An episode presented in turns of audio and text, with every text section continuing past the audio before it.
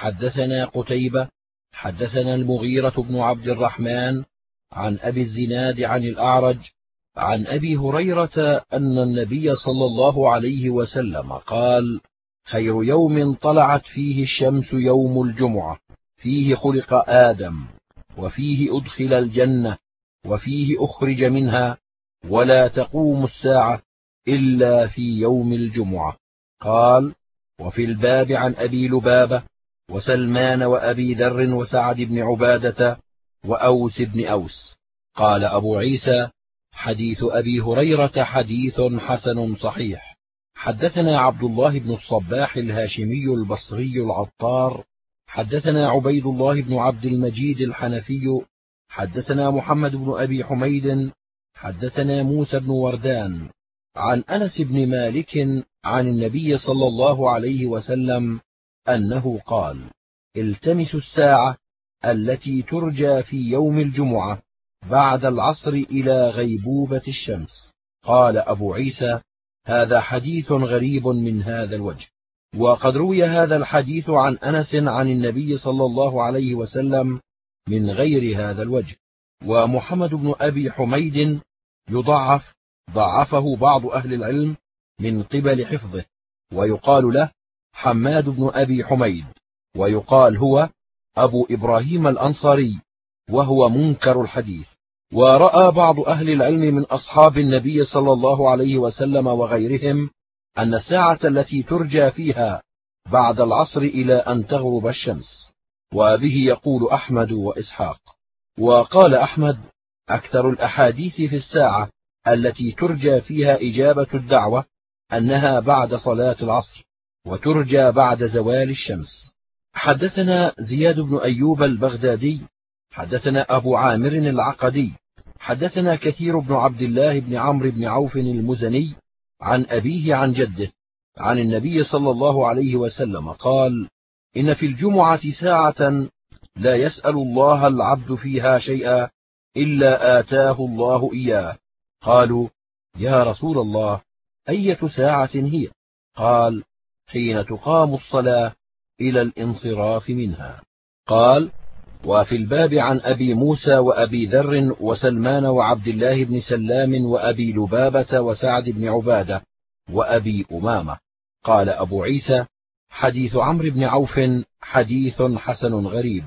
حدثنا إسحاق بن موسى الأنصاري حدثنا معن حدثنا مالك بن أنس عن يزيد بن عبد الله بن الهاد عن محمد بن إبراهيم عن أبي سلمة عن أبي هريرة قال قال رسول الله صلى الله عليه وسلم خير يوم طلعت فيه الشمس يوم الجمعة فيه خلق آدم وفيه أدخل الجنة وفيه أهبط منها وفيه ساعة لا يوافقها عبد مسلم يصلي فيسأل الله فيها شيئا إلا أعطاه إياه.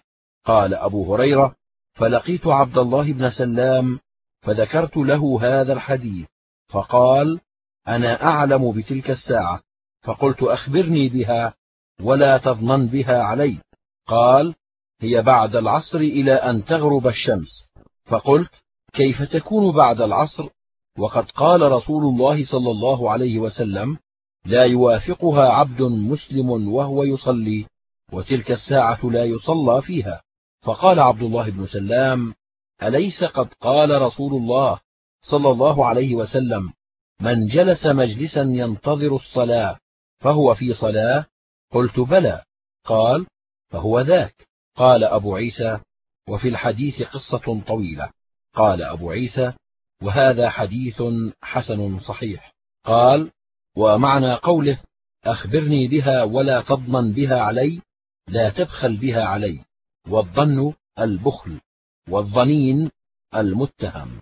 حدثنا أحمد بن منيع حدثنا سفيان بن عيينة عن الزهري عن سالم عن أبيه أنه سمع النبي صلى الله عليه وسلم يقول من أتى الجمعة فليغتسل قال وفي الباب عن عمر وأبي سعيد وجابر والبراء وعائشة وأبي الدرداء قال أبو عيسى حديث ابن عمر حديث حسن صحيح.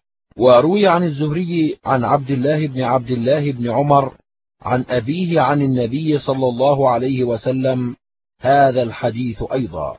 حدثنا بذلك قتيبة حدثنا الليث بن سعد عن ابن شهاب عن عبد الله بن عبد الله بن عمر عن أبيه أن النبي صلى الله عليه وسلم مثله. وقال محمد وحديث الزهري عن سالم عن أبيه وحديث عبد الله بن عبد الله عن أبيه كلا الحديثين صحيح.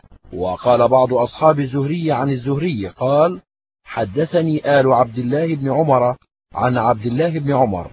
قال أبو عيسى وقد روي عن ابن عمر عن عمر عن النبي صلى الله عليه وسلم في الغسل يوم الجمعة أيضا وهو حديث حسن صحيح. ورواه يونس ومعمر عن الزهري عن سالم عن أبيه بينما عمر بن الخطاب يخطب يوم الجمعة إذ دخل رجل من أصحاب النبي صلى الله عليه وسلم فقال أية ساعة هذه؟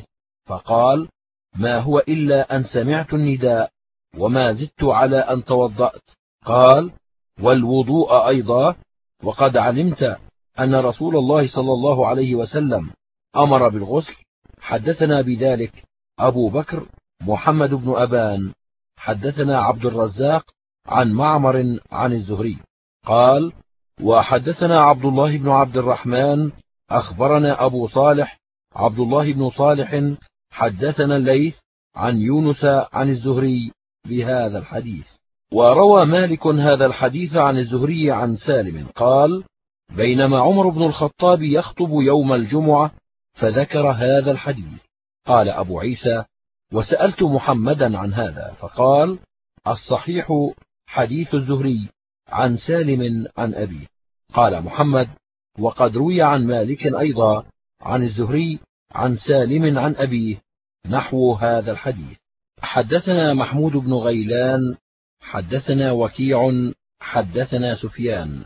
وأبو جناب يحيى بن أبي حية عن عبد الله بن عيسى عن يحيى بن الحارث عن أبي الأشعث الصنعاني عن أوس بن أوس قال قال رسول الله صلى الله عليه وسلم من اغتسل يوم الجمعة وغسل وبكر وابتكر ودنا واستمع وأنصت كان له بكل خطوة يخطوها أجر سنة صيامها وقيامها. قال محمود قال وكيع اغتسل هو وغسل امرأته. قال ويروى عن عبد الله بن المبارك أنه قال في هذا الحديث من غسل واغتسل يعني غسل رأسه واغتسل. قال وفي الباب عن أبي بكر وعمران بن حسين وسلمان وأبي ذر وأبي سعيد وابن عمر وأبي أيوب. قال أبو عيسى حديث أوس بن أوس حديث حسن وأبو الأشعث الصنعاني اسمه شراحيل بن آدة وأبو جناب يحيى بن حبيب القصاب الكوفي. حدثنا أبو موسى محمد بن المثنى حدثنا سعيد بن سفيان الجحدري حدثنا شعبة عن قتادة عن الحسن عن سمرة بن جندب قال قال رسول الله صلى الله عليه وسلم من توضأ يوم الجمعة فبها ونعمت ومن اغتسل فالغسل أفضل. قال وفي الباب عن أبي هريرة وعائشة وأنس. قال أبو عيسى حديث سمرة حديث حسن. وقد رواه بعض أصحاب قتادة عن قتادة عن الحسن عن سمرة بن جندب. ورواه بعضهم عن قتادة عن الحسن عن النبي صلى الله عليه وسلم مرسل والعمل على هذا عند أهل العلم من أصحاب النبي صلى الله عليه وسلم ومن بعدهم. اختاروا الغسل يوم الجمعة ورأوا أن يجزئ الوضوء من الغسل يوم الجمعة. قال الشافعي ومما يدل على أن أمر النبي صلى الله عليه وسلم بالغسل يوم الجمعة أنه على الاختيار لا على الوجوب. حديث عمر حيث قال لعثمان والوضوء أيضا. وقد علمت أن رسول الله صلى الله عليه وسلم أمر بالغسل يوم الجمعة فلو علما أن أمره على الوجوب لا على الاختيار لم يترك عمر عثمان حتى يرده ويقول له ارجع فاغتسل. ولما خفي على عثمان ذلك مع علمه ولكن دل في هذا الحديث أن الغسل يوم الجمعة فيه فضل من غير وجوب يجب على المرء في ذلك. حدثنا هناد قال حدثنا أبو معاوية عن الأعمش عن أبي صالح عن أبي هريرة قال قال رسول الله صلى الله عليه وسلم من توضأ فأحسن الوضوء ثم أتى الجمعة فدنا واستمع وأنصت غفر له ما بينه وبين الجمعة وزيادة ثلاثة أيام ومن مس الحصى فقد لغى. قال أبو عيسى هذا حديث حسن صحيح. حدثنا إسحاق بن موسى الأنصاري حدثنا معن حدثنا مالك عن سمي عن أبي صالح. عن أبي هريرة أن رسول الله صلى الله عليه وسلم قال من اغتسل يوم الجمعة غسل الجنابة ثم راح فكأنما قرب بدنه ومن راح في الساعة الثانية فكأنما قرب بقرة ومن راح في الساعة الثالثة فكأنما قرب كبشا أقرا ومن راح في الساعة الرابعة فكأنما قرب دجاجة ومن راح في الساعة الخامسة فكأنما قرب بيضة. فإذا خرج الإمام حضرت الملائكة يستمعون الذكر. قال وفي الباب عن عبد الله بن عمرو وسمرة. قال أبو عيسى حديث أبي هريرة حديث حسن صحيح.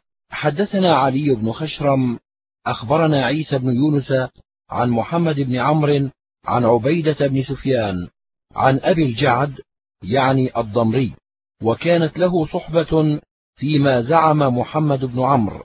قال قال رسول الله صلى الله عليه وسلم من ترك الجمعة ثلاث مرات تهاونا بها طبع الله على قلبه. قال وفي الباب عن ابن عمر وابن عباس وسمرة.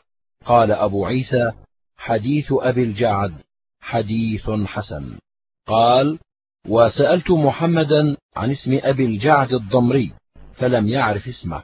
وقال لا أعرف له عن النبي صلى الله عليه وسلم إلا هذا الحديث. قال أبو عيسى ولا نعرف هذا الحديث إلا من حديث محمد بن عمرو. حدثنا عبد بن حميد ومحمد بن مدويه قالا حدثنا الفضل بن دكين حدثنا إسرائيل عن ثوير عن رجل من أهل قباء عن أبيه وكان من أصحاب النبي صلى الله عليه وسلم قال أمرنا النبي صلى الله عليه وسلم أن نشهد الجمعة من قباء وقد روي عن أبي هريرة عن النبي صلى الله عليه وسلم في هذا ولا يصح. قال أبو عيسى هذا حديث لا نعرفه إلا من هذا الوجه ولا يصح في هذا الباب عن النبي صلى الله عليه وسلم شيء. وقد روي عن أبي هريرة عن النبي صلى الله عليه وسلم أنه قال الجمعة على من آواه الليل إلى أهله. وهذا حديث إسناده ضعيف إنما يروى من حديث معارك بن عباد عن عبد الله بن سعيد المقبري وضعف يحيى بن سعيد القطان عبد الله بن سعيد المقبري في الحديث. قال واختلف أهل العلم على من تجب الجمعة. فقال بعضهم تجب الجمعة على من آواه الليل إلى منزله. وقال بعضهم لا تجب الجمعة إلا على من سمع النداء وهو قول الشافعي وأحمد وإسحاق. سمعت أحمد بن الحسن يقول كنا عند أحمد بن حنبل فذكروا على من تجب الجمعة فلم يذكر أحمد فيه عن النبي صلى الله عليه وسلم شيئا. قال أحمد بن الحسن فقلت لأحمد بن حنبل فيه عن أبي هريرة عن النبي صلى الله عليه وسلم فقال أحمد عن النبي صلى الله عليه وسلم قلت نعم.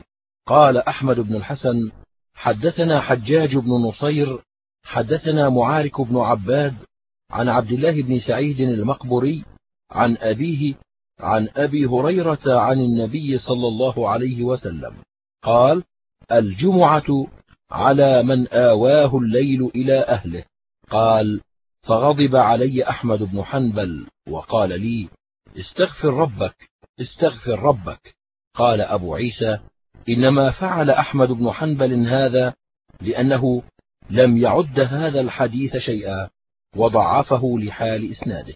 حدثنا أحمد بن منيع حدثنا سريج بن النعمان حدثنا فليح بن سليمان عن عثمان بن عبد الرحمن التيمي عن أنس بن مالك أن النبي صلى الله عليه وسلم كان يصلي الجمعة حين تميل الشمس. حدثنا يحيى بن موسى حدثنا أبو داود الطيالسي حدثنا فليح بن سليمان عن عثمان بن عبد الرحمن التيمي عن أنس عن النبي صلى الله عليه وسلم نحوه. قال وفي الباب عن سلمة بن الأكوع وجابر والزبير بن العوام. قال أبو عيسى حديث أنس حديث حسن صحيح وهو الذي أجمع عليه أكثر أهل العلم أن وقت الجمعة إذا زالت الشمس كوقت الظهر وهو قول الشافعي وأحمد وإسحاق. ورأى بعضهم أن صلاة الجمعة إذا صليت قبل الزوال أنها تجوز أيضا. وقال أحمد ومن صلاها قبل الزوال فإنه لم ير عليه إعادة. حدثنا أبو حفص عمرو بن علي الفلاس الصيرفي. حدثنا عثمان بن عمر ويحيى بن كثير أبو غسان العنبري. قالا حدثنا معاذ بن العلاء عن نافع عن ابن عمر أن النبي صلى الله عليه وسلم كان يخطب إلى جذع فلما اتخذ النبي صلى الله عليه وسلم المنبر حن الجذع حتى أتاه فالتزمه فسكن. قال وفي الباب عن أنس وجابر وسهل بن سعد وأبي بن كعب وابن عباس وأم سلمة. قال أبو عيسى حديث ابن عمر حديث حسن غريب صحيح ومعاذ بن العلاء هو بصري وهو أخو أبي عمرو بن العلاء. حدثنا حميد بن مسعدة البصري حدثنا خالد بن الحارث حدثنا عبيد الله بن عمر عن نافع عن ابن عمر أن النبي صلى الله عليه وسلم كان يخطب يوم الجمعة ثم يجلس ثم يقوم فيخطب. قال مثل ما تفعلون اليوم. قال وفي الباب عن ابن عباس وجابر بن عبد الله وجابر بن سمرة. قال أبو عيسى حديث ابن عمر حديث حسن صحيح. وهو الذي رآه أهل العلم أن يفصل بين الخطبتين بجلوس. حدثنا قتيبة وهناد قالا حدثنا أبو الأحوص عن سماك بن حرب عن جابر بن سمرة قال كنت أصلي مع النبي صلى الله عليه وسلم فكانت صلاته قصدا وخطبته قصدا. قال وفي الباب عن عمار بن ياسر وابن أبي أوفى. قال أبو عيسى حديث جابر بن سمرة حديث حسن صحيح. حدثنا قتيبة حدثنا سفيان بن عيينة عن عمرو بن دينار عن عطاء عن صفوان بن يعلى بن أمية عن أبيه قال سمعت النبي صلى الله عليه وسلم يقرأ على المنبر ونادوا يا مالك. قال وفي الباب عن أبي هريرة وجابر بن سمرة. قال أبو عيسى حديث يعلى بن أمية حديث حسن صحيح غريب وهو حديث ابن عيينة وقد اختار قوم من أهل العلم أن يقرأ الإمام في الخطبة آيا من القرآن. قال الشافعي وإذا خطب الإمام فلم يقرأ في خطبته شيئا من القرآن أعاد الخطبة. حدثنا عباد بن يعقوب الكوفي حدثنا محمد بن الفضل بن عطية عن منصور عن إبراهيم عن علقمة عن عبد الله بن مسعود قال كان رسول الله صلى الله عليه وسلم إذا استوى على المنبر استقبلناه بوجوهنا. قال أبو عيسى وفي الباب عن ابن عمر.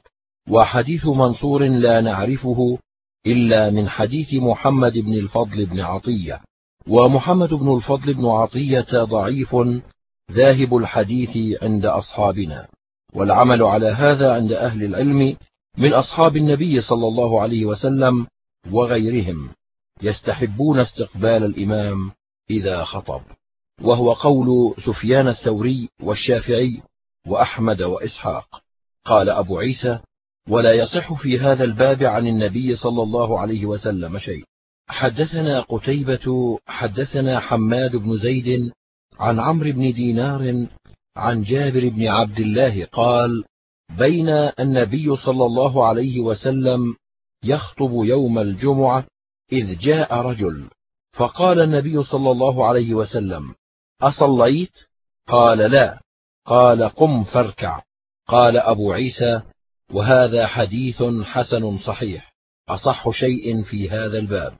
حدثنا محمد بن أبي عمر حدثنا سفيان بن عيينة عن محمد بن عجلان عن عياض بن عبد الله بن أبي سرح أن أبا سعيد الخدري دخل يوم الجمعة ومروان يخطب فقام يصلي فجاء الحرس ليجلسوه فأبى حتى صلى فلما انصرف أتيناه فقلنا رحمك الله إن كادوا ليقعوا بك فقال ما كنت لأتركهما بعد شيء رأيته من رسول الله صلى الله عليه وسلم.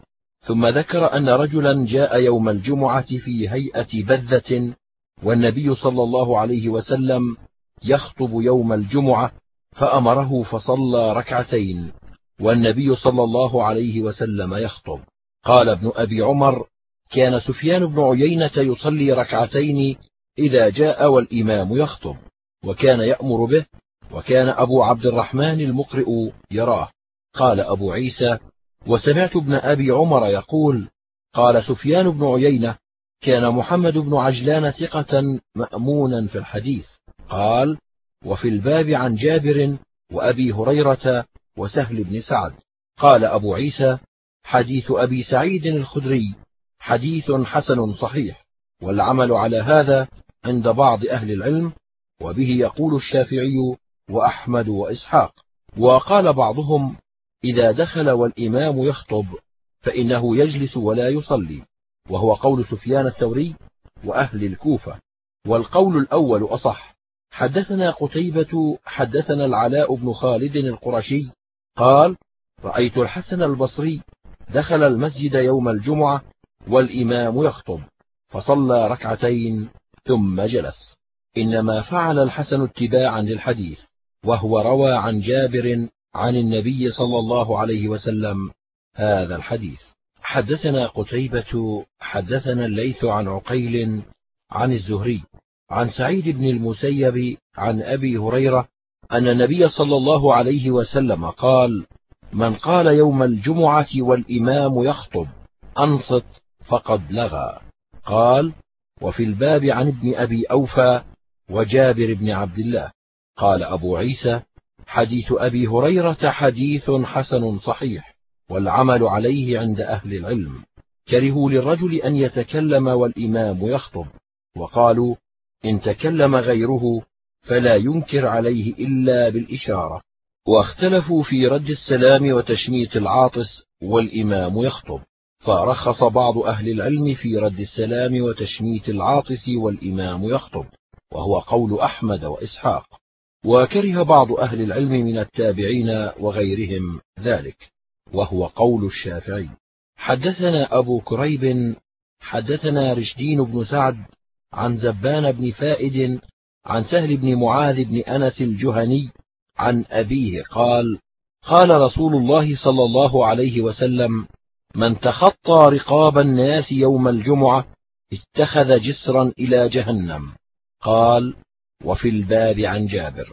قال أبو عيسى حديث سهل بن معاذ بن أنس الجهني حديث غريب لا نعرفه إلا من حديث رشدين بن سعد. والعمل عليه عند أهل العلم كرهوا أن يتخطى الرجل رقاب الناس يوم الجمعة وشددوا في ذلك. وقد تكلم بعض أهل العلم في رشدين بن سعد وضعفه من قبل حفظه.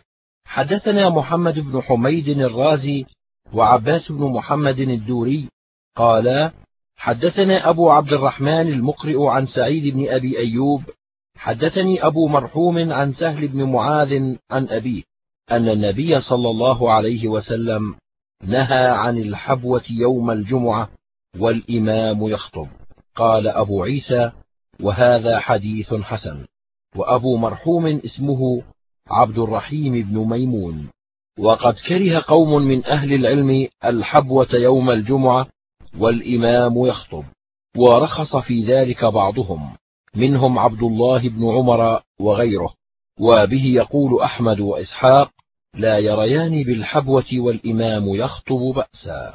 حدثنا أحمد بن منيع حدثنا هشيم أخبرنا حسين قال سمعت عمارة بن رويبة الثقفي وبشر بن مروان يخطب فرفع يديه في الدعاء فقال عمارة قبح الله هاتين اليديتين القصيرتين لقد رأيت رسول الله صلى الله عليه وسلم وما يزيد على أن يقول هكذا وأشار هشيم بالسبابة. قال أبو عيسى هذا حديث حسن صحيح. حدثنا أحمد بن منيع حدثنا حماد بن خالد الخياط عن ابن أبي ذئب عن الزهري عن السائب بن يزيد قال كان الأذان على عهد رسول الله صلى الله عليه وسلم وأبي بكر وعمر إذا خرج الإمام وإذا أقيمت الصلاة فلما كان عثمان رضي الله عنه زاد النداء الثالث على الزوراء. قال أبو عيسى هذا حديث حسن صحيح. حدثنا محمد بن بشار حدثنا أبو داود الطيالسي حدثنا جرير بن حازم عن ثابت عن أنس بن مالك قال كان النبي صلى الله عليه وسلم يكلم بالحاجة إذا نزل عن المنبر. قال أبو عيسى هذا حديث لا نعرفه إلا من حديث جرير بن حازم. قال وسمعت محمدا يقول وهم جرير بن حازم في هذا الحديث والصحيح ما روي عن ثابت عن أنس قال أقيمت الصلاة فأخذ رجل بيد النبي صلى الله عليه وسلم فما زال يكلمه حتى نعس بعض القوم. قال محمد والحديث هو هذا. وجرير بن حازم ربما يهم في الشيء وهو صدوق. قال محمد وهم جرير بن حازم في حديث ثابت عن أنس عن النبي صلى الله عليه وسلم قال إذا أقيمت الصلاة فلا تقوموا حتى تروني. قال محمد ويروى عن حماد بن زيد قال كنا عند ثابت البناني فحدث حجاج الصواف عن يحيى بن أبي كثير عن عبد الله بن أبي قتادة عن أبيه عن النبي صلى الله عليه وسلم قال إذا أقيمت الصلاة فلا تقوموا حتى تروني. فوهم جرير فظن أن ثابتا حدثهم عن أنس عن النبي صلى الله عليه وسلم. حدثنا الحسن بن علي الخلال حدثنا عبد الرزاق. أخبرنا معمر عن ثابت عن أنس قال لقد رأيت النبي صلى الله عليه وسلم بعدما تقام الصلاة يكلمه الرجل يقوم بينه وبين القبلة فما يزال يكلمه. فلقد رأيت بعضنا ينعس من طول قيام النبي صلى الله عليه وسلم له. قال أبو عيسى هذا حديث حسن صحيح. حدثنا قتيبة حدثنا حاتم بن إسماعيل عن جعفر بن محمد عن أبيه عن عبيد الله بن أبي رافع مولى رسول الله صلى الله عليه وسلم قال استخلف مروان أبا هريرة على المدينة وخرج إلى مكة فصلى بنا أبو هريرة يوم الجمعة فقرأ سورة الجمعة وفي السجدة الثانية إذا جاءك المنافقون قال عبيد الله فأدركت أبا هريرة فقلت له تقرأ بسورتين كان علي يقرأ بهما بالكوفة؟ قال أبو هريرة إني سمعت رسول الله صلى الله عليه وسلم يقرأ بهما وفي الباب عن ابن عباس والنعمان بن بشير وأبي عنبة الخولاني قال أبو عيسى حديث أبي هريرة حديث حسن صحيح وروي عن النبي صلى الله عليه وسلم أنه كان يقرأ في صلاة الجمعة بسبح اسم ربك الأعلى وهل أتاك حديث الغاشية؟ عبيد الله بن أبي رافع كاتب علي بن أبي طالب رضي الله عنه.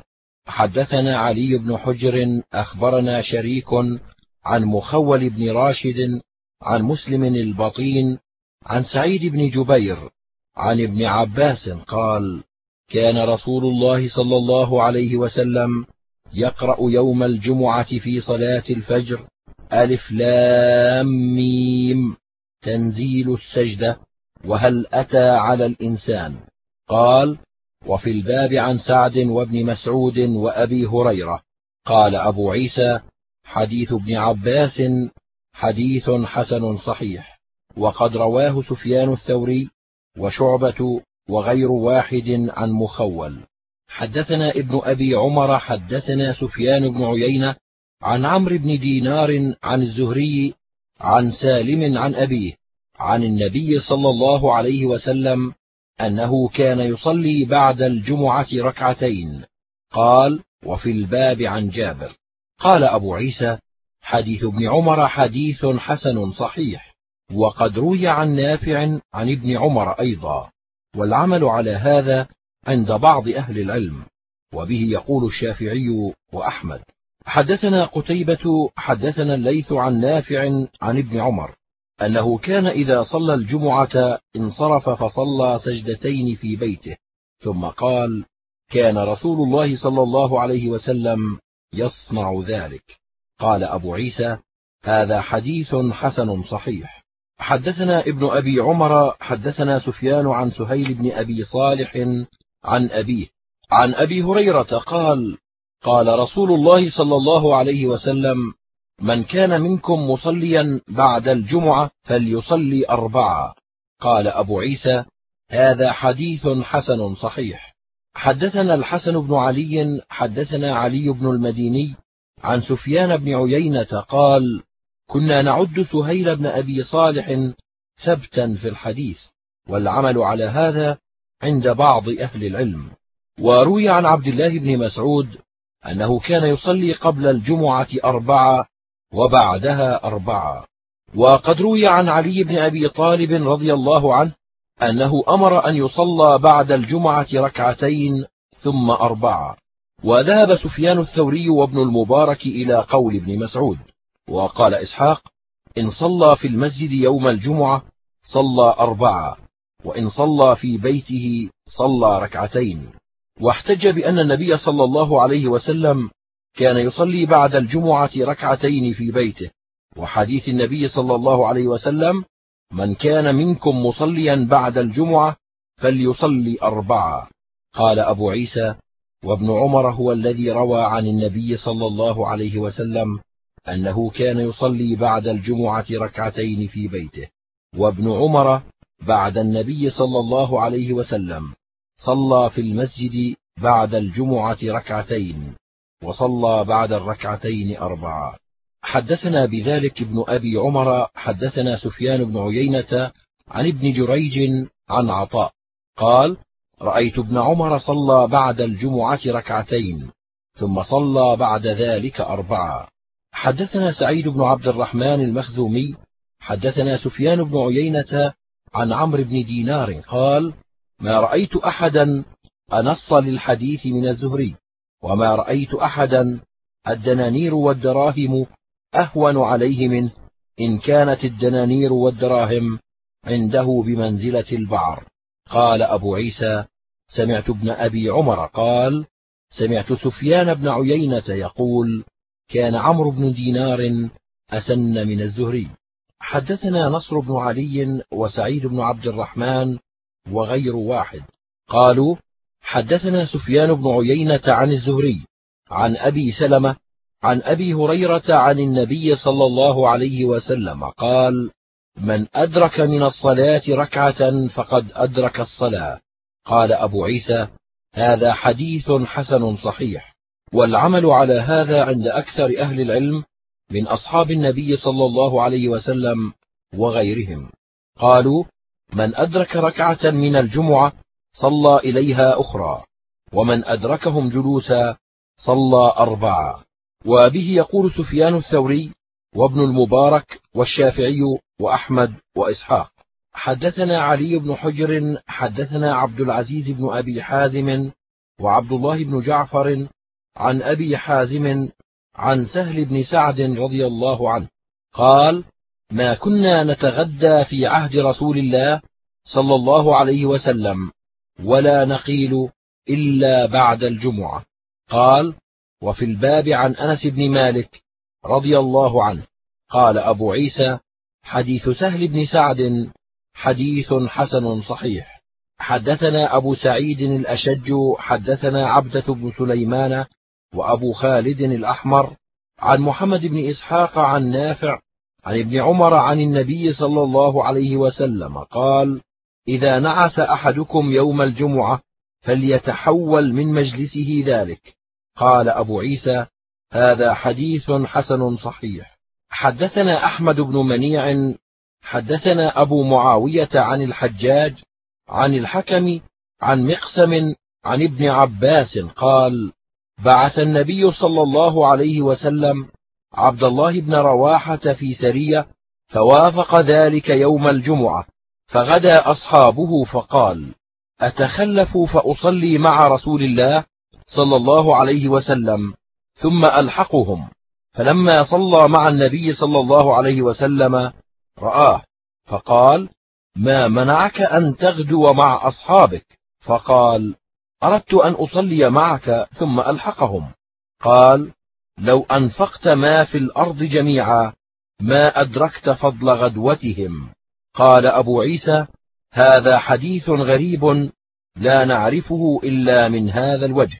قال علي بن المديني قال يحيى بن سعيد وقال شعبة لم يسمع الحكم من مقسم إلا خمسة أحاديث وعدها شعبة وليس هذا الحديث فيما عد شعبة. فكأن هذا الحديث لم يسمعه الحكم من مقسم. وقد اختلف أهل العلم في السفر يوم الجمعة فلم ير بعضهم بأسا بأن يخرج يوم الجمعة في السفر ما لم تحضر الصلاة. وقال بعضهم إذا أصبح فلا يخرج حتى يصلي الجمعة. حدثنا علي بن الحسن الكوفي حدثنا أبو يحيى إسماعيل بن إبراهيم التيمي عن يزيد بن أبي زياد عن عبد الرحمن بن أبي ليلى عن البراء بن عازب قال قال رسول الله صلى الله عليه وسلم حق على المسلمين أن يغتسلوا يوم الجمعة وليمس أحدهم من طيب أهله فإن لم يجد فالماء له طيب. قال وفي الباب عن أبي سعيد وشيخ من الأنصار. حدثنا أحمد بن منيع حدثنا هشيم عن يزيد بن أبي زياد بهذا الإسناد نحوه. قال أبو عيسى حديث البراء حديث حسن. ورواية هشيم أحسن من رواية إسماعيل بن إبراهيم التيمي. وإسماعيل بن إبراهيم التيمي يضعف في الحديث.